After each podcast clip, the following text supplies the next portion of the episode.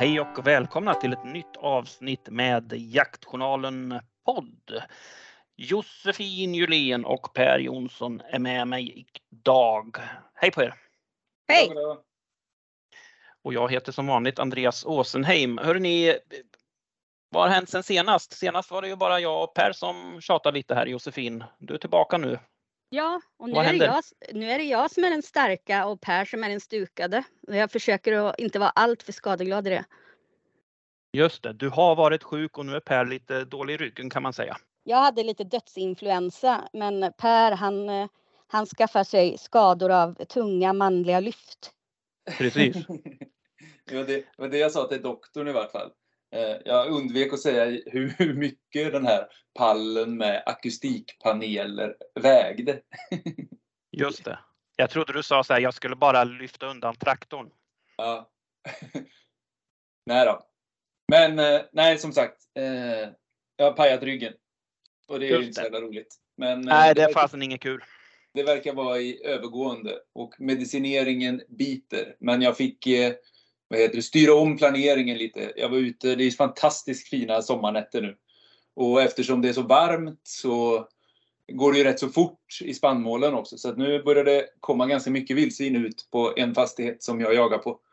Så jag var där i helgen som var och gjorde ett fräst och fällde en, en eh, årsgris.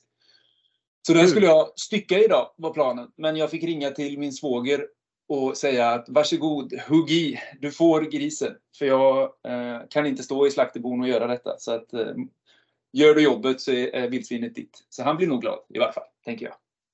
Ja men kul. Då är det ju någon som, eh, någon som blev glad även om du går och har ont i ryggen. ja, precis.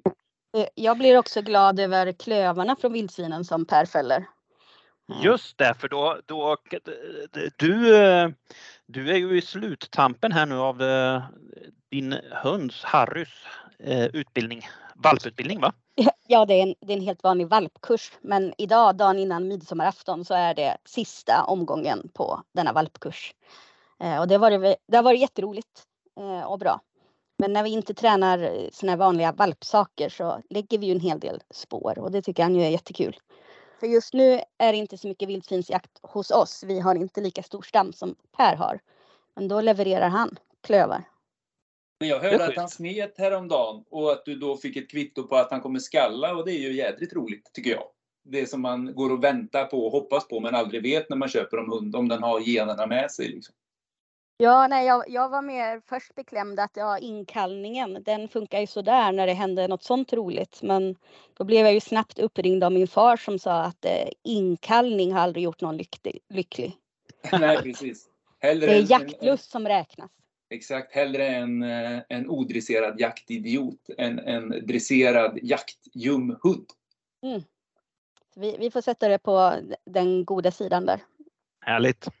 Men du Josefin, fasen hinner du springa ut i skogen med hundar nu? Det, det är ju en annan tidning som ska produceras här också.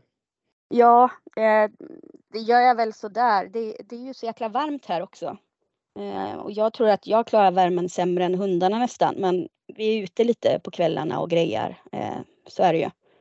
Men vi gör, gör ju jättemånga tidningar samtidigt just nu. Specialen Älgjakt, eh, nummer åtta av Jaktjournalen som kommer ut i slutet av juli som är vårt stora bocknummer.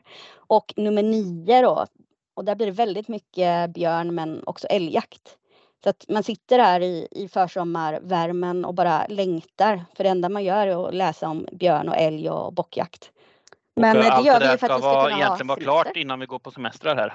Ja. så? Ja, Mm. vi tänkte ju ha det i juli. Att, Härligt. eh, vi, då blir det ju lite podduppehåll, eller hur Andreas?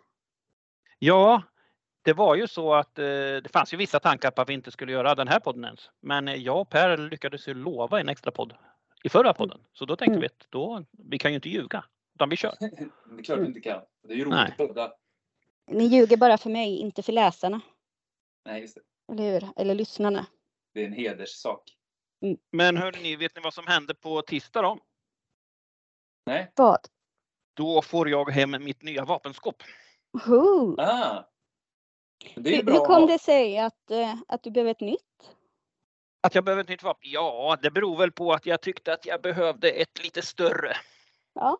Mm.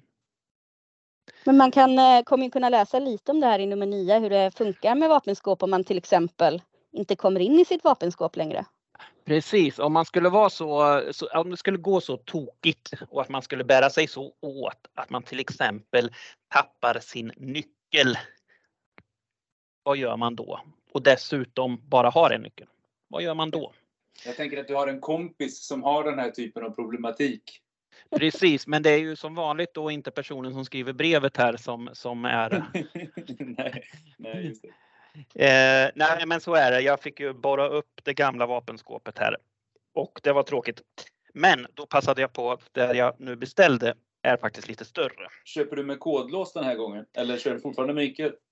Nej, det blev kodlås här faktiskt, även om det kostade någon 700-800 spänn extra tror jag. Men, men det fick bli kod, även om låsmedlen jag faktiskt pratat med säger att det är vanligare att folk glömmer sina koder faktiskt än tappar nycklarna. Så att, men eh, där får jag väl lita på mig själv då tänker jag. Och framförallt är det skönt att slippa ha nyckel att bära omkring på tycker jag. Ja, alltså Face ID. Kan vi inte Det få hade det varit snart lite- på vapenskåpen? Precis, eller åtminstone den här tumgrejen man har på telefonen tycker jag skulle Ja. funka bra. Ja. Men, nej, men det, jag tänkte också nu, nu jag köpte ju faktiskt ett grönt vapenskåp och med inbyggd belysning. Säger ni om det då? Ooh. Väldigt tufft. Det låter flashigt. En gång när jag var på någon form av pressträff med Browning så visade de sina vapenskåp och de är dessvärre inte godkända i Sverige. Men de var ju, det var ju lite gränsfall till att vara tacky. Men, men de, såg, de hade liksom Chesterfield inredning och sånt där, alltså nappat läder. De var jävligt heta med belysning då såklart. Du kunde även förvara vinflaskor och sånt i dem. Ja, fy fan vad härligt. Ja, praktiskt. Men Pappa eh, de har säkert sån här, eh, sån här ratt man liksom snurrar på som en sån här klassiskt. Wall Enberg, eller det? Enberg ja. Mm. Jag tror faktiskt, eh, har, jag har sett reklam för, gör inte Frans Jäger faktiskt vapenskåp numera? Jag Jo, sett det gör att de. Ja, De är jättesnygga, jag har tittat Ja. på dem. men jag vet, eh, när farsan köpte sitt andra vapenskåp så motiverade han det med, alltså för att ha två, att eh, ja men morsan har ju så mycket grejer där i. Jaha, vad har hon där? Ja men du vet hon har sina smycken där och så. Vi, pra, vi pratar väl om tiaror. kanske, ja ungefär, vi pratar väl om några få guldringar och ett halsband kanske. Men just det. Så Ja. ett av de här facken som sitter i dörren fylldes av alla hennes grejer. Då. ja, jag, jag vet inte men det är ju Mm. tydligen hennes fel att, att han behövde ett till. Ja. Nej men, nej men det blev lite speciellt besök det där faktiskt i, i butiken när jag var och beställde det där. För sen kom jag på då att jag såg, de hade i hyllan där lite 22 år Och då Mm. råkade jag köpa en ny 22 också. Aj, aj, aj, aj. Inte bra. Det är bra. Men roligt. Josefin har köpt en också här nu för inte så länge sedan. Det är liksom Ja. det är 22ornas guldålder nu känner jag. Precis. Ja, jag rå, råkade göra det här efter Elmia. Eh, och du, du var ju i kontakt med vapenhandläggare. Precis. Ja, men det var lite roligt. Han kunde ju inte stödja det där med några siffror sen, men känslan var att tiderna på handläggningstiderna på licenser hade ökat lite här efter Elmia-mässan just. Så man får väl förutsätta att de i alla fall sålde bra där nere. Men, men jag blir mer orolig så här Andreas, du har ju gått med så här allmogeflaggan och du gillar Tradera och storväst och allting. Och nu får vi Mm. höra om vapenskåp med belysning och kod. Och sen vad har du för kolv på 22an då? Ja, det är just den plastkorv och vet du vad? Det, det är sån här rak repetering på den också. Man har ju blivit eh, lite Ja, det känns lite prydligt sådär men faktum är att det där typ var den billigaste 22an de hade. Så jag försvarar Mhm. mig med det. Och eh, jag tänker att är det någonstans man kan få leka lite så är det väl med just 22an. För det är roligt att skjuta 22 liksom. Så, här. så kan få vara lite, ska stå lite på grisbanan här ute på skjutbanan och mata med min rakrepeter på 22-banan och skjuta vildsvin. Ja, jag kan bara konstatera att, att ni, ni har ju imageproblem just nu. Du med din allmoge-image och Per då som aldrig är sjuk eller skadad. Nej. Är det, är det min image? Ja, Men man kan säga så här, min image är ju så här att min image är ju som allmogestilen. Jag har ju min storväst och sådär. Men just nu så kan jag väl säga att jag inte riktigt matchar upp den i, i form av vilka prylar jag har sådär. ja just det. Men jag har ju en storväst och jag har ett par gamla Graningestövlar till exempel. Så på, på sikt vill jag ha tillbaka en gammal hanbössa. när jag jagar Ja. hare i alla fall så att det blir lite den känslan igen. Men jag, jag tänker så här att de här bruksvapnen är ju en grej och sen det andra blir ju liksom lite mer på lekkontot på något sätt tycker jag. Jag vet, Ja, och sen tänkte jag- hade ju eh, huggarstövlar alltid när han jagade björn. Orangea eh, Husqvarna huggarstövlar istället för jaktkängor. Det var liksom Just det. signumet. Det är bra för de har ju bra skydd också så skulle man bli attackerad av en björn så håller i alla fall fötterna. Ja, bra för grytjakten på grävling. Liksom. Precis. skjuta in till benet knakar. Men vad, det. eh, det var ju bra tips då. Jag kan ju ta min sambos huggarbyxor då när jag ska ut på sådana farligheter. Eh, De som Ja. han kräver att jag tar på mig om jag ska använda elmotorsågen. När du jagar grävling? Nej men eh, eh, av alla hans motorsågar så får jag bara röra elmotorsågen men då kräver han ändå att jag tar på mig hans huggarbyxor. Ja, Och sen står han bara och skrattar och är nervös samtidigt. Men ja, precis. Men då säger vän av ordning Josefin, har man sett någon som har sågat sig i benet en gång så struntar man inte i huggarbyxorna sen. ja, ja nej jag, jag lyder ju faktiskt också. Jag tycker inte att det är ett orimligt eh, krav han har på mig så.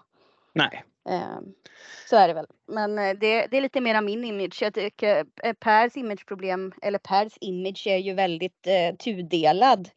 Vi har den ena sidan då eh, att han aldrig är sjuk, aldrig skadad och mentaltestad UA. Och sen har vi den andra sidan där han går under öknamnet autisten. Men, men där är det ju mer, du är ju autistisk by choice när du är på det humöret. Just det. Ja. Jag tycker inte vi går in mer på det. Vi kan lämna det som en sån loose end. Vi gör det. precis. Vi nöjer oss med att konstatera här att eftersom vi har bild på när vi pratar med varandra, även om vi är på olika ställen, så ser vi ju faktiskt att Per står upp och ser synnerligen viril ut, tycker jag. Mm. Hörrni, vi släpper oss själva och så går vi på lite nyheter va? Yes. Ja.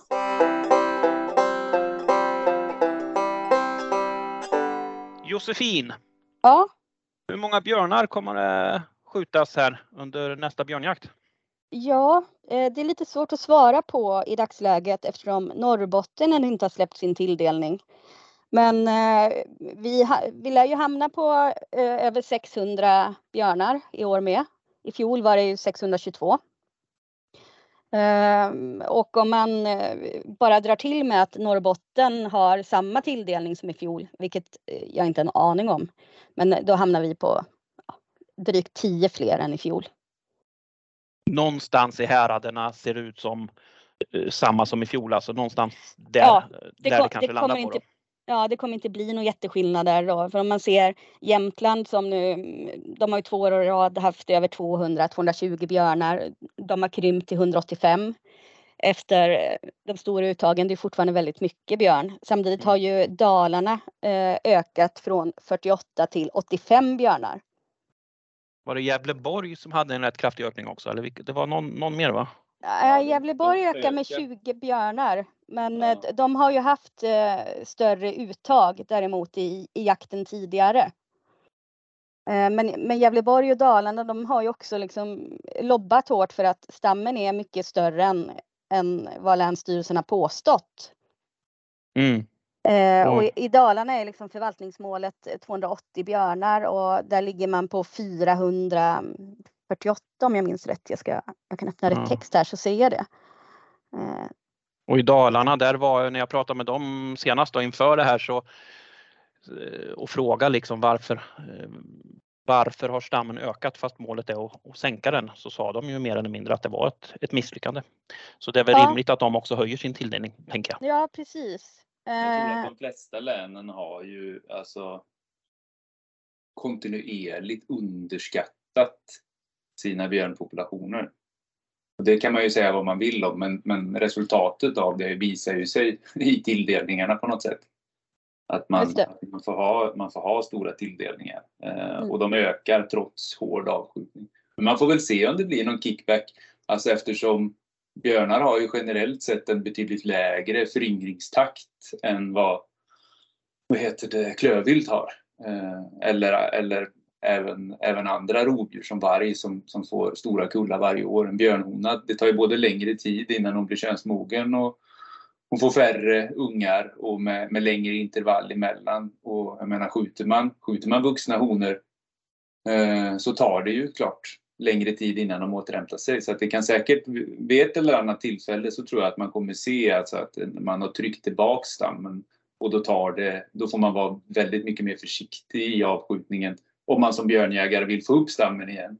Då kan det säkert bli som en slags mild variant som vi ser i län som har haft alltså kraftiga vildsvinsstammar men där jägarna har skjutit undan kapitala suggor och helt plötsligt så står man där och undrar varför det inte finns vildsvin i skogarna. Men det är ju inte så konstigt när man, när man skjuter undan vuxna djur. Då blir det ju så.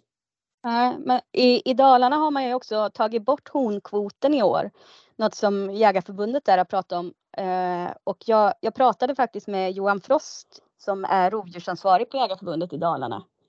Eh, Moilonen hade intervjuat honom i slutet av maj innan tilldelningen var släppt då, där han pratade om eh, att stammen var mycket större än vad Länsstyrelsen hade uppskattat till och att ja, licensjakten, att kvoten där måste öka. De är väl ganska nöjd med, liksom, med årets tilldelning då på 85 björnar mot 48 i fjol. Men han sa också för några år sedan så var de uppe på kring 60. Och då, då upplevde han att stammen inte sjönk men var ganska jämn. Och tittar man på Gävleborg så har ju de ökat från 40 björnar till upp, upp, upp och nu är de på 140. Och det menar man att där har Dalarna inte hängt med i jämförelse med de länen. Men, eh, men Gävleborg har ju fortfarande har ju mycket mer björn än sitt förvaltningsmål. Där uppskattas ju stammen eh, vara på 589 björnar och förvaltningsmålet är 300. Nej, och då om man liksom inte lyckas pressa ner mot de här förvaltningsmålen eh, som gör den uppfattningen att där bör det ligga från länsstyrelserna, då, då finns det väl också en risk att, att förtroendet för den här förvaltningen sjunker, tänker jag. Ja. Jag, jag roade mig lite med att räkna på vad det jaktliga uttaget var eh, i procent eh, ställt mot den uppskattade stammen. Och då ligger de faktiskt ganska lika i länen. Men, eh, men Dalarna som ändå har, eh, har höjt sin tilldelning kraftigt, de, de ligger lågt, eller lägst på 19,19 procent medan Gävleborg ligger runt 23 och Västerbotten på 23 och sådär. Ja, vi får eh, se hur det blir med det där. Men i samband med att de här eh, tilldelningarna i de olika länderna har trillat in här så är det en annan fråga som är ganska intressant och det är att i flera beslut så nämner man ju det här med att släppa vid åtel, alltså släppa sin hund vid åtel. Eh, per, det där är inte helt lätt att begripa sig på, liksom, vad gäller där egentligen? Nej, nej det är det ju inte och, och, och man kan ju sätta det i relation, det gällde ju även vid lodjursjakten i flera län. Där man, är, där man också hade liksom så möjligheten, alltså man kallade spårstart tack vare liksom en, en återkamera. Då. Men, men, men man, kan dela, man kan dela den här problematiken i två delar alltså i beslutsfattningen. I fjol så, så kom ju Naturvårdsverkets beslut, ett efterlängtat beslut från väldigt många björnjägare just att man får lov att använda åtel som ett, en plats där man får en spårstart för sina jakthundar. Så att Dels så kan man ju få en bild på aktuell björn så man vet vad det är man jagar på så att man inte skickar på hundar på hona med ungar som man inte får eller sådär. Eh, så man kan ha bättre kontroll rent förvaltningsmässigt och jaga rätt björn.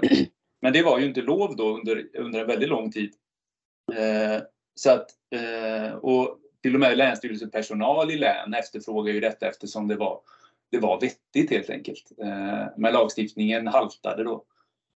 Så då gjorde de ett omtag och så från och med årets jakt så är detta lov. Då. Men, men eh, då, då kommer man ju in i problemet eh, att dels så vad är det för åtel man får släppa en hund på? Och här har vi den, liksom den första trixiga frågan.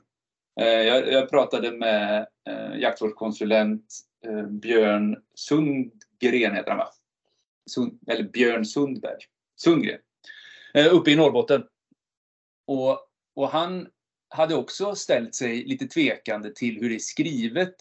För han menade då att det går att tolka beslutet som att det är lov att släppa hundar på en åtel. Men om du ska jaga och skjuta björn vid åtel så måste det vara en registrerad björnåtel.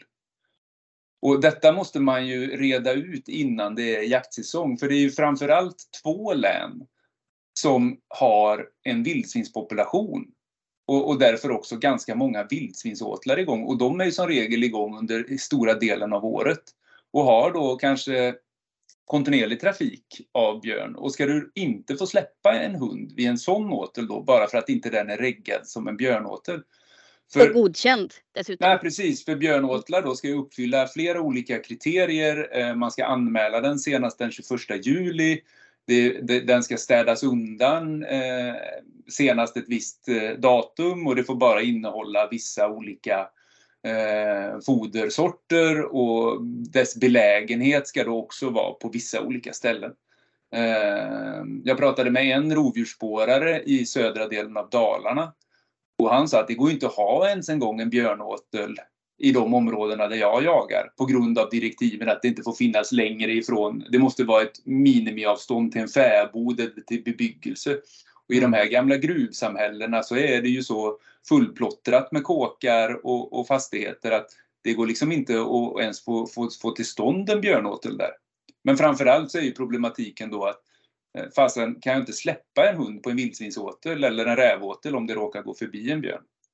Den andra, den andra egentligen knäckfrågan i den här problematiken, det är ju hur ska du agera om du då har satt en kamera som skickar eh, MMS eller bilder via mail eller sån här iCloud och sånt. Eh, när, när, när kan du dra igång jakten? Eh, jag pratade både med Länsstyrelsens tjänstemän om detta och jag har pratat med jurister på, eh, eller en jurist på, på Svenska Jägarförbundet och det är ju inte så jädra klart alltså.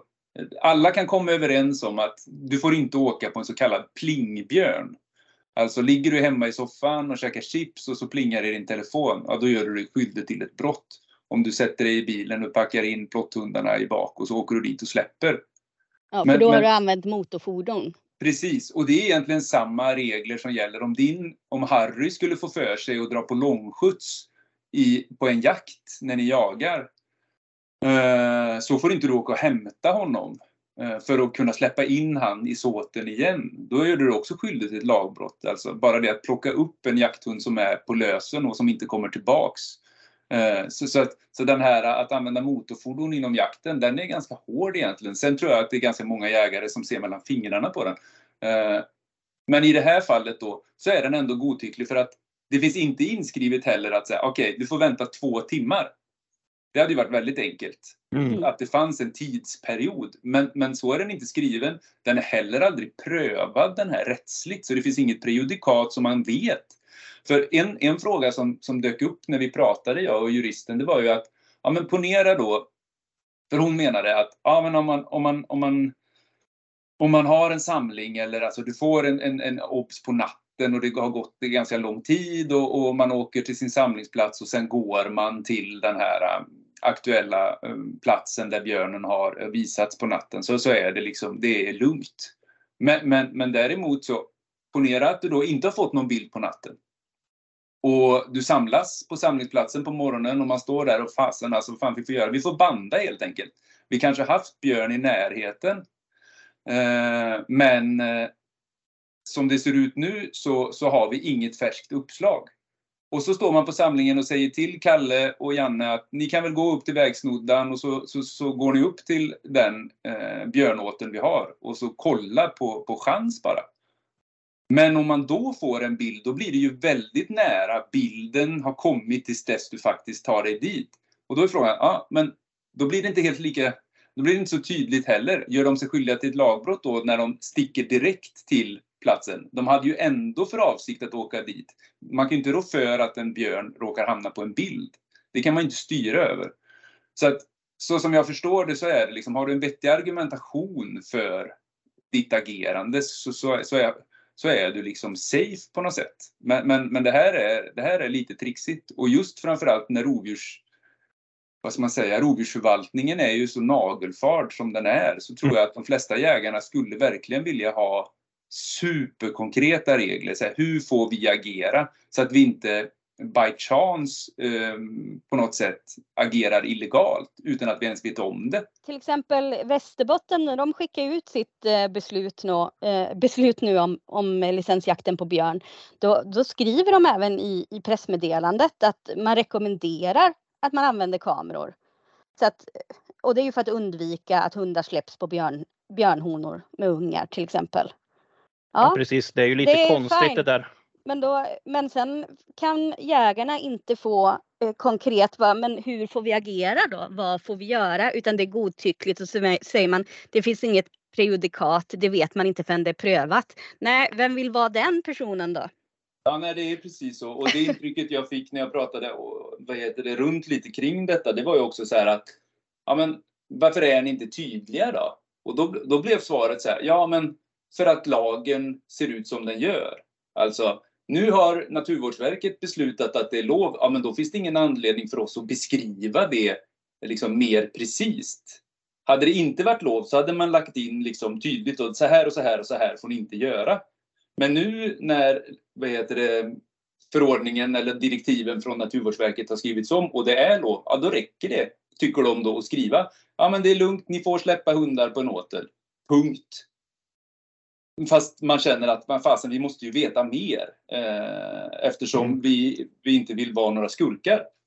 Ja, ja vi drog och... ju det här senast kring lodjursjakten också. Ja, det är ju inte absolut. så att de här frågorna inte har ställts tidigare. Nej, och de har ju varit aktuella länge inom vildsvinsjakten och då blir det också lite roligt för jag tror ju ärligt, även om det liksom är en killgissning, att om en jägare du vet, man läser på forum, du vet, det sitter folk hemma en fredagkväll och så, så skriver de glatt på något forum så här, du, nu plingar det i telefonen, nu är det dags att liksom koka ett kaffet och sticka iväg och, och skjuta kvällens åtelgris. Och det är ju på sätt och vis ett lagbrott. Men jag tror ju inte att så, så som, vad heter det, både regeringspartier, myndigheter, eh, brukarorganisationer ser på den svenska vildsvinsstammen alltså som någonting som vi ska trycka ner, trycka tillbaks. Så tror jag säkert att man hade bedömt, om det nu hade blivit en anmälan och ett rättsfall, att man hade varit mildare i sin bedömning av vildsvinsjägaren som sticker på en återkamerabild än om det hade varit en rovdjursjägare som gör samma sak. För att det är så pass polariserat och man är så livrädd när det kommer till rovdjur, alltså från myndigheters... Man vill, då vill man liksom punktmarkera jägarkåren, så det får man inte göra. Men, men, men en galt eller en årsgris, ja, men, ja, då liksom, blir det liksom en axelryckning. Det, det är min magkänsla. Eh, sen är det klart att juridiken ska ju vara lika för alla såklart, men det finns liksom en acceptans och det ser vi också hur pass mycket mer liberal jaktlagstiftningen har blivit kring vildsvinsförvaltning och sådär man ser mellan fingrarna och man tillåter termiska sikten och det är allmän skyddsjakt och det är det ena med det tredje och förlängda jakttider och sådär. Men, ja, men, men där har det ju också kommit nyheter på tal om termiska sikten och när vi har pratat om, vi har pratat lite om dåförvaltning och vildsvin och hur, hur det nästan finns en syn att, att det bara är skadedjur. Skjut dem i huvudet, skjut bara, skjut, skjut, skjut. Ja, och det är väl så man, alltså jägarkåren upplever att, att Länsstyrelsen ser på, på björnen i Norrbottens län också. Alltså ja. den, den devalveras till skadevilt. Hela, mm. hela Norrbottens björnstam ska förvaltas via skyddsjakt snarare än, än licensjakt, vilket är helt absurt. Ja, där, där har jag lite siffror faktiskt eftersom jag sitter med det här nu. Ja, men dra eh, dem. Det där är ju superintressant. Ja, det man kan säga var, eh, eller det man kan säga är att det är åren 2020 och 2021 som särskilt sticker ut. Då handlar det om 60 skyddsjagade björnar respektive 20 licensbjörnar. 2021 65, 20 licensbjörnar. Mm. 2022 56 skyddsjagade, 55 tilldelade. I år vet vi inte tilldelningen men jag vet att det är 53 björnar som har fällts under skyddsjakt i år. Det är ju så konstigt det där att, att liksom förvaltningen i första hand sker via skyddsjakter. Ja, det är ju ett eh, annorlunda förhållningssätt får man ju ändå säga. Ja, verkligen. För 2017 42 skyddsjagade, noll licensjakt. Ja, och, och, och tittar man på vad är skyddsjakt? Skyddsjakt får inte vara, alltså det ska inte vara populationsreglerande. Skyddsjakt ska per definition handla om att ta bort enskilda skadegörande individer. Mm. Eh, och det gör man ju såklart här också. Alltså de samebyarna som drabbas i skogslandet och så, de skjuter ju en enskild individ som ställer till skada. Men följden blir ju att skyddsjakterna ihop blir populationsreglerande eftersom antalet blir så pass omfattande. Mm. Men det, och tittar man på Norrbotten 2011 till och med 2014, då, då ser det lite rimligare ut. 2011 7 skyddsjagade, 68 licensjakt. 2012 28 skyddsjagade, 85 licensjakt. Um, och det är ju märkligt då hur, uh, hur eh, problematiken då med, med björnar som går in i renbetesland då uh, ska vara så extremt mycket högre nu. Ja. Ja, vi får se vart det där med när Norrbotten då är klara. Har de sagt någonting om det Josefin? När ska Norrbotten vara klara? Ja, den här podden är ute då förmodligen. Just det. Mm. Så när ni lyssnar på det här så vet vi. Ja. Så kan vi säga. Ja, det, det här är ju alltså dagen innan midsommarafton som vi sitter och, och köttar. Just det. Men, men eh, ja, eh, hur som helst, jag tänkte då på, på de nya eh, reglerna som du har skrivit om Andreas från Naturvårdsverket och där för först hade vi ju, kom den generella skyddsjakten på dov så att man inte ska, eh, och det är ju för att länsstyrelserna, länsstyrelserna ska slippa hantera eh, alla, eh, alla ansökningar om skyddsjakt på dov. Men nu har man även då, tillåter man skyddsjakt med termiska sikten på dov. Eller från första augusti då. Ja, framförallt så, så gör man det lite enklare då för tidigare har det varit så att om man vill skyddsjaga på natten med eh, termiskt sikte, då måste man då först söka tillstånd hos Länsstyrelsen för att få jaga på natten och sen måste man söka tillstånd hos Naturvårdsverket för att få jaga med termiskt sikte. Ja. Nu tar man bort det här sista då så att eh, får man tillstånd att jaga på natten så har man också eh, tillstånd att jaga med termiskt sikte. Mm. Så det blir, istället för att behöva söka tillstånd på två ställen behöver man bara göra på ett ställe, vilket ju mm. en underlättar såklart. Men i de där nya riktlinjerna så, så, finns det ju rätt så mycket intressant tycker jag. För där finns ju också bland annat då, nu har man ju då säkrar man ju 6,555 eh, som kassettvapen faktiskt i framtiden. Så det tror jag glädjer väldigt många jägare. Eh, det måste vara en av de absolut vanligaste kalibrarna fortfarande i Sverige runt om. Ja, det är väl även typ som 6,5 Creedmoor som också som har blivit en uppstickarkaliber här nu som, som jag inte heller tror hade klarat kravet Eh, för blyfri ammunition i vart fall, också nu då passar in i det. Så det är väl inte bara 6,5 tror jag. Jo, men så där är det ju. Det gäller ju egentligen alla klass 1-kalibrar eh, som får de här nya kraven på 7,7 gram då om 2000 joules anslagsenergi på, på 100 meter. Eh, som definieras för just blyfri ammunition. Då. Mm. sen en annan intressant grej i det där är ju också en sak som har varit efterlängtad hittat bland jägare det är ju det här med att man... Äh, Vänta, din eh, mick pajar nu. Hör ni mig inte? Nu hör vi dig igen. Det var någon glapp. Du på den så då blev det glapp. Vi får ah, nog börja med en annan sak. Ja. Är det bra? Nu är det bra. Ja, den går emot här så att jag hör att det blir busar med mig. Eh, hör ni bra nu? Ja. Nej, men en annan sak som är intressant i de här nya eh, föreskrifterna det är ju, eh, gäller ju säljakten. Där har ju jägare länge velat ha möjlighet att jaga säl med klass 2 eh, studsare. 222, 223 och så vidare och det kommer man också få efter 1 augusti. Så det är ju faktiskt en förbättring. Räknar eh. man nu, eh, för jag vet ju att du har skrivit om det och det här har ju varit en trätefråga länge.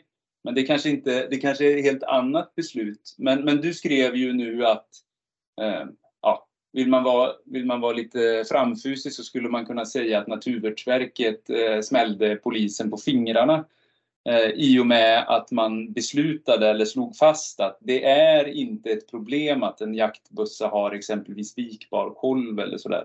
Du, var väl, du skrev en nyhet om det, det var inte så länge sedan. Vill du Nej, och det där finns ju flera delar i också då för att det första grejen vi skrev om det där, det hänger egentligen inte ihop med just det här. Det var ju att polisen gick ut och sa att numera så kommer man då inte säga nej till repeterstudsare som är militärliknande kan man säga. Det vill säga de här Tikka T3 Tactical heter väl någon och Ruger American eh, som har pistolhandtag eller ett öppet pistolhandtag och eh, eh vikbar korv då det, det kommer man eh, acceptera. Sen finns det ju fortfarande regleringar kring just vikbar korv till exempel på halvautomatiska studsare. Det ligger kvar, men däremot så i de här nya, eh, det här nya som Naturvårdsverket nu tar fram så tillåter man då militärlika vapen eller vapen med militärt ursprung även för bland halvautomaterna. Ja, ja, ja. Eller rättare sagt, man tar bort, tidigare så stod det i de här reglerna att sådana vapen var, var inte godkända. Man, man, definierar vilka vapen som var godkända vad gäller utseende och sådär. Det har man nu tagit bort eh, därför att man då hänvisar till att eh, ja, men vi fattar de här reglerna utformade bara utifrån jaktliga motiv så att säga. Eh, och de här vapnen gör då inte att jakten blir osäkrare på något sätt och så vidare och så vidare utan snarare att de kan underlätta jakten och då ska de vara tillåtna. Där har ju faktiskt polisen nu gått ut och varit kritiska mot det där. För man menar då att det här halvautomatiska vapnen som är så här lite militära i sin stil och eh, kanske lite kortare än genomsnittet till och med. De är väldigt attraktiva bland kriminella och då är man då rädd att kommer ut flera sådana vapen i samhället så finns det risk att de blir stulna och då kan de användas i fel händer. Ja, de skulle vara som mer stöldbegärliga för kriminella då, ungefär så är det. Ja, så tolkar jag polisen då att de, mm. att de menar så. Eh, Medan då Naturvårdsverket inte tar hänsyn till det i, i sina beslut utan de menar att det här gäller bara jaktliga premisser. Alltså de här reglerna är utformade utifrån jaktliga behov. Där är de ju väldigt rimliga. Så här. Vi bedömer att eh, rätt vapen används till rätt vilt i form av skade, skadeverkan, effekt, eh, lidande. Eh, vi sitter inte och bedömer hur vapnet ser ut. Nej, så länge de inte är utformade på ett sätt så att de typ tappar precisionen eller att de eh, är farliga på något sätt, har en bristfällig säkring eller alltså, sådana där saker, då, då ska de vara tillåtna som man tolkar dem. Mm. Det som Men nu sen står är det ju polisen man ansöker till så polisen skulle ändå kunna vara uh, illistiga i den här frågan då. Även om de ska ta hänsyn till Naturvårdsverkets krav. Ja, där har det ju studsat mellan myndigheterna eh, och det är det som är lite det absurda när polisen har suttit och bara, ah, vänta, ser inte det här för militäriskt ut? Och så ber man Naturvårdsverket om ett utlåtande. Ja, och där har ju Naturvårdsverket nu också, de skriver ju faktiskt i sina frågor och svar på sin hemsida att ja men det, det här med utseende, det blir ju så, det är så svårt att säga, men vad är för militäriskt då? Är det att du har, ett, att du har en sån här vad heter det när man när hela pipan täcks där framme då inom militär? Eller är det det här öppna pistolgreppet eller är det en vikboll? Vad är det som är militäriskt? Och vill man hårdra det där så är ju en gammal Mauser 98 mekanism då från 1800-talet utvecklad för militären också. Så att det blir ju sådana bedömningar och det är det man menar blir så svårt och därför plockar man också bort det då.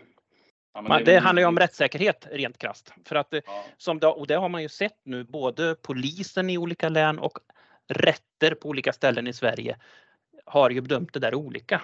På ett ställe har man kunnat få en licens på ett vapen och på ett annat inte, men utifrån samma regelverk. Då liksom. Och det tyder ju på att ja, men det här kanske inte är så klockrent utformat. Nej, men samtidigt så rör det ju upp känslor. Alltså i samma andetag som, som nyheten om detta släpptes Eh, och delades via sociala medier så splittrar det ju på sätt och vis också jägarkåren. Det är ju för, förhållandevis stor andel jägare som, som går på magkänslan och tycker att den här typen av vapen har inte med jakt att göra. Medan andra eh, går mer, alltså har mer en, en vad ska man säga, rationell argumentation då, att det spelar ju egentligen ingen roll så länge vapnet gör det det ska, hur det ser ut. Medan andra tycker att nej, men vi, ska inte, vi vill inte ha den här kopplingen mellan jakt och friluftsliv och så att säga det militära eller det taktiska. Utan, Precis, och man är kanske då rädd för hur allmänheten framförallt, eller den icke-jagande allmänheten, skulle reagera på, på jägare med den här typen av vapen. Då. Ja. Eh, så där Men... tänker jag, där har väl i så fall jägarkåren ett, ett eh, vad ska man säga, ett, ett upplysningsuppdrag eh, och faktiskt tala om att ett vapen är ett vapen på något sätt. Ja, eh, det har man ju alltid också i sin vapenhantering. Men, men jag tänker, det på plussidan här är ju att eh, det blir ju faktiskt tydligare att eh, det ska försvinna liksom godtycklighet, att, att det beror på vilken handläggare man har. Och det är ju tydlighet vi efterfrågar, precis som reglerna för att släppa hund vid björnåtel nu. Ja, men så, så är det absolut. Det handlar ju om att, att alla har rätt till samma bedömning och bedömas utifrån samma kriterier. Och när man då ska tolka en sån grej som utseende, då, då öppnar ju det för olika tolkningar. En tycker ja, det... det ser militäriskt ut, en annan tycker inte det. Och sen är liksom ärendet igång så att säga. Jo, men eh, det är ju så att det ställs ju eh, höga krav på att få ha vapen och det är inget konstigt i det. Men vi måste ju också veta hur vi då kan leva upp till alla krav. Ja, När otydligheten finns som... så blir man ju nervös för att det påverkar ju hela ens liv. Så är det och människor är rädda och vi, människor vill göra rätt och är rädda för att göra fel och därför behöver det vara tydligt. Hör ni, Vargar har vi ju pratat nästan lite om i varje podd här och vi, vi måste komma in på det idag också. Därför att det har hänt lite i den frågan.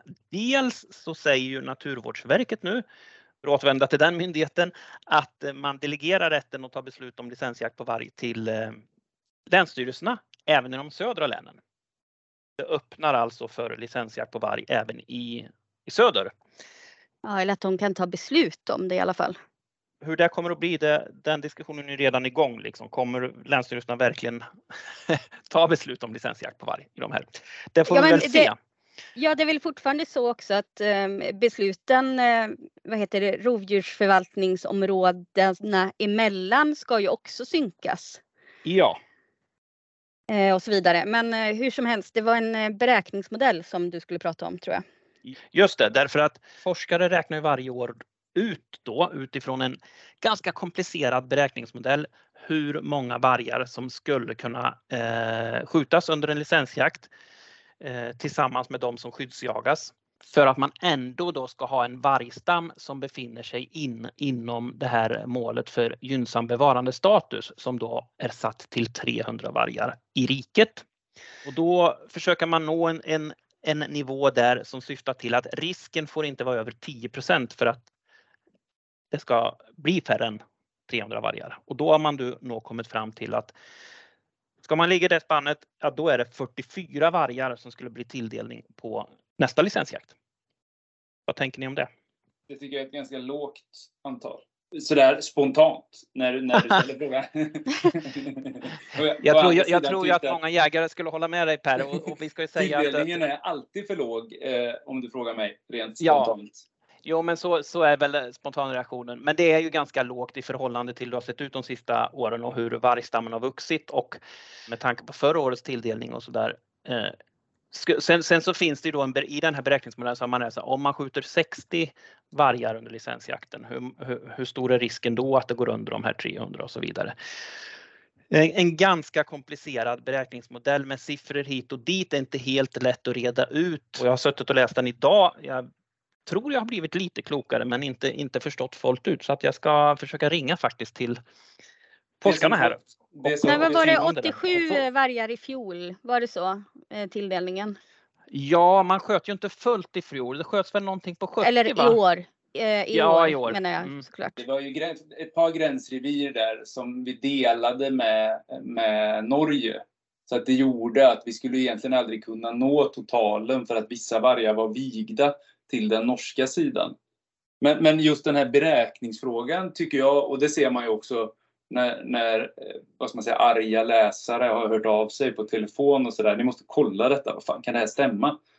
Och det är ju att intrycket man har fått eftersom eh, det kommer ett budskap från de svenska politikerna och där finns det ju en konsensus. Och det är klart att om man då har som jägare har utgått från den konsensusen i riksdagen att ja, men vi ska ha en eh, vi ska ha en radikal sänkning av den svenska vargstammen, säger politikerna unisont, bortsett från eventuellt några vänsterpartister och miljöpartister.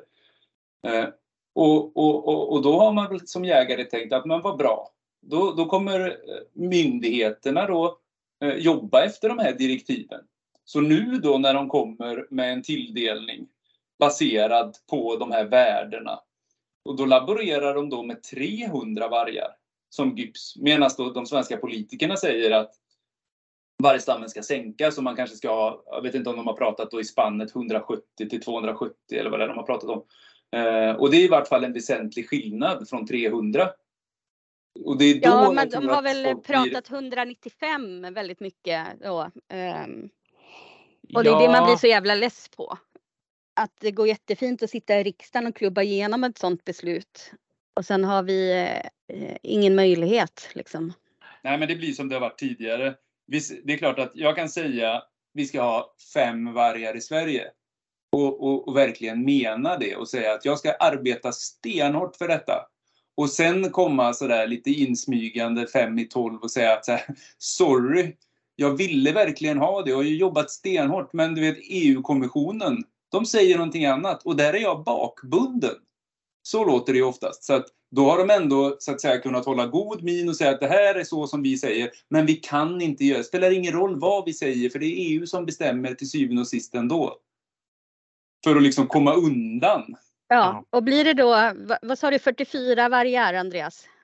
Ja, om risken inte ska överstiga 10% att det understiger de här Ja. 300 då. Ska det då skjutas 44 vargar 2024 och så har vi politiska beslut där vargen ska spridas över landet och den ska skjutas av där det är som mest vargtätt. Ja, det blir inte så mycket vargjakt i söder då. Nej, men det finns ju många frågetecken naturligtvis. Men jag, alltså först om de här 300, det är ju så att Naturvårdsverket hänvisar då till att, att forskningen visat att för att uppfylla då det här EUs art och habitatsdirektiv så behöver referensvärdet vara 300 då, att det är det som är det. Det är, Eh. är gynnsam bevarandestatus. Är 300. Som är, ja precis, som är gynnsam bevarandestatus behöver den ligga på 300.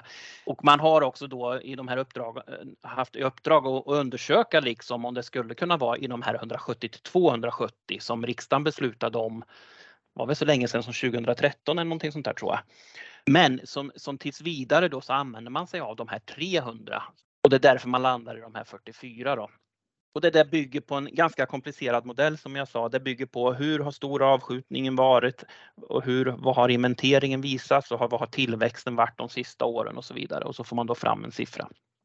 Men den är inte helt lätt att begripa sig på och eh, om man bara läser grundsiffrorna så är det också väldigt svårt att förstå hur de kan komma fram till det. Naturvårdsverket släppte sina siffror eh, för hur många vargar det finns i Sverige nu för ett tag sedan och då visar den 460 vargar. Okej, och sen så säger man nu i den här bedömningen av hur mycket kan vi jaga att det troligtvis finns 418 vargar om man inte, att det finns kvar 418 vargar om man inte skjuter någon i år. Det Mm. låter ju jättekonstigt. Va? Det finns 460, vi skjuter ingen och då finns det 418. Mm. Men de här siffrorna bygger på 460, ja men det var ju egentligen det som fanns innan årets licensjakt. Ja. Så det finns ju då uppenbarligen ett 70-tal färre nu. Ja. Eh, och sen räknar man till årets föryngring och då kommer man då upp i de här 418. Så det är Mm. liksom så man räknar och utifrån de 418 så ska man sen då ta ett beslut om, om nästa licensjakt. Så att Ja. det är inte helt lätt att hänga med i svängarna. Siffror är inte, det går ju att trolla ganska bra. Det går att ljuga med statistik jävligt fint kan man säga. Så är det. Men, Eh, men jag, jag har en liten överraskning till er. Har du en jag- överraskning till oss? Ja, jag, tänkte byta ämne nu. Eh, eller det, det är snarare läsaren Rasmus, eller lyssnaren Rasmus som har en överraskning till oss. Eh, för att eh, det är ju några tusen som lyssnar på varje avsnitt. Och eh, man får jättegärna mejla till oss på podd om högt och lågt. Om ni vill att vi ska prata om något särskilt eller ha några gäster eller feedback. Det är jättekul att få. Och här har vi fått det av en Rasmus med anledning av vad ni snackade om i förra avsnittet, den här bäven med svarta tänder. Kul! Så om ni går in och tittar i eran inbox så har han skickat bilder här på en råbock med, han kallar det extra lätta klövar. Extra lätta klövar. Och så undrar han om vi vet vad det beror på. Och jag vet inte vad det beror på.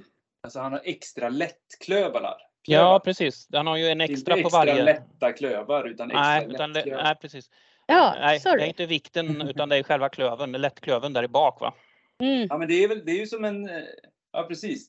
Eh, min, eh, min svåger har ju en bayersk viltspårhund. Och det ser precis ut som så här sporrar. Ja, Men, men, men, men det är ju hunddjur som har sporrar. Men det kanske finns bland, alltså det här är ju ett klövdjur, men klövdjur är väl, tillhör väl egentligen hovdjuren. Har jag för mig. Eh, så att i vilket fall som helst, det kanske inte spelar någon roll om man är tassdjur eller klövdjur eller hovdjur. Man kanske kan ha sporrar ändå som någon slags gammal eh, rest rent eh, evolutionärt. Så att Mm. på vissa djur så dyker de upp. Men det är ju rimligtvis någon form av genetisk avart, misstänker jag. Men har, du, Ja. har ni sett det här på rådjur innan? Nej, det har jag aldrig sett. Nej, jag har aldrig sett det. I alla fall, alltså, det kan ju hända att de finns fast man inte tänker på dem för de är så små att det bara är knölar där eller sådär. Men så här tydliga har jag ju aldrig sett faktiskt. Ja. Vi, får ju, vi får ju visa den här bilden så att vi lägger upp den här på eh, vår Instagram i anslutning till att det här avsnittet kommer ut så att ni själva kan få titta på de här bilderna. Ja, Då vi kanske vi brukar kan ju... få in eh, tips också om, om det är vanligt eller om det är ovanligt eller hur det ser ut där ute. Ja, vi brukar ju faktiskt skriva en artikel varje gång vi har släppt ett nytt eh, inlägg också. Så att eh, då kan vi lägga det där i. Så kan man titta på Rasmus råbock med extra lätt klövar. Inte extra lätta klövar som jag lyckades läsa först. Men det hade varit lite fint annars. Men det är en ganska hyggligt fin eh, bock han har skjutit Rasmus i alla fall. Hörni. Ja, visst, grattis till den. Grattis till en fin, lagom fin sexa. Mm. Men vet ni vad? Nu är det dags för det här.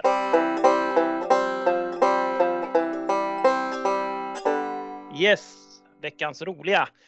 Och den kommer från Josefin den. Ja, det är kanske bara jag som tycker det är roligt, men det var en push som Ekot skickade ut i veckan.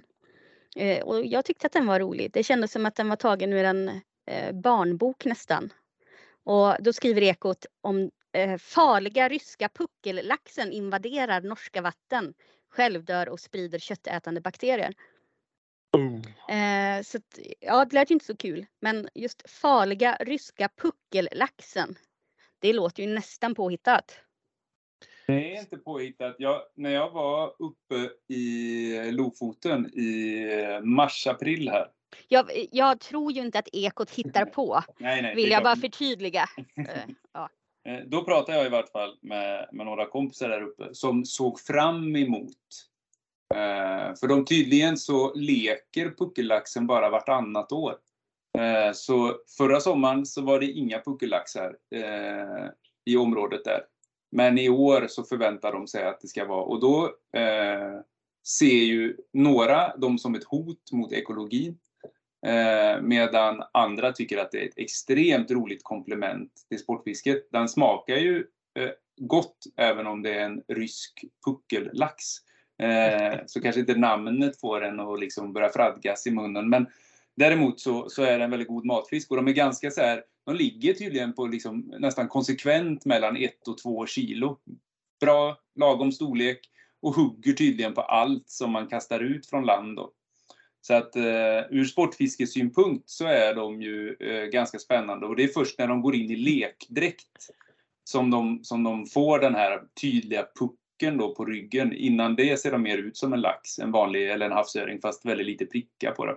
Men de har ju även fått dem i, i de här halländska älvarna har man fått enstaka exemplar. Så det har ju varit funnits en oro från svenska myndigheters eh, håll också. Och man har ju, man får, får man en puckellax i Sverige så ska man ju ta upp och klubba den. Det är ingen catch and release på den firren. Men, att, men du eh, har inte fått någon någon gång eller? Nej, jag har aldrig fått någon puckellax. Men jag ska ju norrut i sommar. Så att eh, jag skulle ju inte tacka nej till att få den som bifångst och slänga på grillen. Just det. Grillad det? puckellax. Vad säger du om det? Med puckelpär. Puckelpär, grillad puckellax. Men hörrni, puckel, den ryska puckellaxen det är någonstans fiskarnas motsvarighet till växternas lupin då. Så här, Ja. trevlig, höll jag på att säga, vacker, men, men, eh, icke, Jättebalsamin. men inte önskvärd. Eh, Jag bildgooglade nu. Jag tänker att det är det där utseendet som Per kommer få om han inte får ordning på sin rygg nu. Nej, just det. Nej, det är en sån havets mårdhund. Mm. Mm. Och sätta, sätta sändare på dem och ha såna judaslaxar. Mm. Man, Men får det- tänka, man kan tänka Quasimodo som fisk. Ja. Eh, vi ska ju ha lite semester i sommar. Här i juli är ju planen. Ja, Men eh, då kommer ju våran älskade slitvarg Mikael Moilonen tillbaka och håller fanan högt och nyhetssajten levande. det är verkligen en veckans roliga det tycker jag. Ja, det är det får vi se honom rapportera sen vad han, vad han har gjort på sin semester. Men ska ni ha något kul eller? Förutom att fiska puckellax då? Det är ju alltid så jäkla mycket att göra på, på sommaren när man är ledig. Men eh, nej, men vi ska, vi håller oss i Sverige eh, har vi väl pratat om. Kanske dra ner till Göteborg och gå på Liseberg med sonen här vid något tillfälle. Hänga lite på sjön här hemma är nog tanken, grundtanken så i alla fall. Har ni något på, är ni på väg ut i stora världen kanske? Jag ska fortsätta försöka, jag får hoppas att den här ryggen repar sig här på några dagar så att jag kan få revansch eh, på vildsvinen så att jag kan få även stycka ett vildsvin.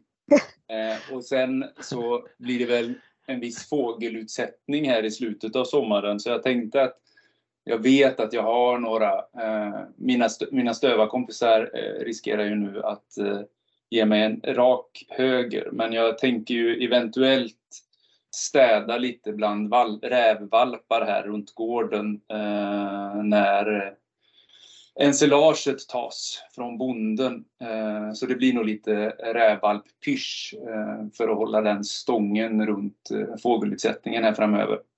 Eh, det, det, är de, det är de närmaste jaktplanerna i vart fall. Sen tror jag, jag, jag ska ju bli med hund här fram i början på september.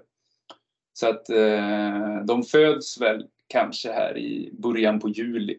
Eh, Vad är, det, man... är det stövare eller tysk terrier då? För du har väl? Jag har lite av varje. Eh, nej, nej nu är det, det, det blir en, en, en, ny tysk jaktterrier. Eh, mm. Den fasar ut den gamla och fasar in en ny. Men det kan ju vara kanske lite roligt att ta en utflykt här i, i slutet på semestern ner och spana in så man kan se om man hittar någon lämplig i den kullen. Eller om det, det nu blir något. Hon är tjock men vi vet inte var, var det landar någonstans. Eh, jag ska försöka vara hemma så mycket det går. Eller så, inga planer. Det ska sättas upp staket. Det ska förmodligen byggas hundgård. Eller det ska förmodligen inte byggas hundgård. Den tidsplanen har nog gått åt helvete redan. Men eh, det är mycket hemma. Vi har byggt ut lite, en grov entré och tvättstuga så den ska inredas och det är sånt. Men jag ser fram emot det. Och så ska jag försöka dra upp en abborre och ja, undvika gäddorna som gärna eh, hugger när jag ska försöka fiska abborre. Mm. Men annars är väl pimpla det roligaste på sommaren va? Alltså pimpla öl alltså tänker jag då. Ja, jo tack. Det, det är nästan mer aktuellt för att det är ju inte så jäkla mycket vatten i sjön när vi, där vi bor va. Så ska man pimpla vid bryggan då. Det, det är inte så djupt där vid tillfället. Nej. Det är ganska skönt att bara sitta där på bryggan och se flötet ligga där. Slippa agera. Ja, men eh, det mättar inte magen. Nej, det gör ju inte det. Nej, jag är grymt sugen på abborre. Det var jättelänge sedan jag åt det. Jag har faktiskt en bekant till mina svärföräldrar som fiskar väldigt mycket abborre. Så jag, han var här med ett kilo i, häromdagen faktiskt. Så det ja. blir, blir i stekpannan inom snar framtid. Det blir ju det ja. nu, när det är, nu när det är midsommar så får man ju göra, i vart fall till lunch, en liten avstickare från viltmenyn och satsa på lite fisk. Sen kan man ju genomlida den lunchen om man nu inte är någon fiskätare och liksom verkligen eh, se fram emot kvällens grill för då brukar ju vildsvinet eller dovhjorten eller älgen eller rådjuret hamna på grillglöden. Men eh, vi satsar på en, en, en god eh, sillunch tror jag här nu imorgon. Jag kommer ja, faktiskt ha fiskfritt till midsommarfirande. Fiskfritt? Ja, midsommarfiraren blir det faktiskt hos ja. mig eftersom det är jag som står för det. Där kommer det ingen sill över tröskeln.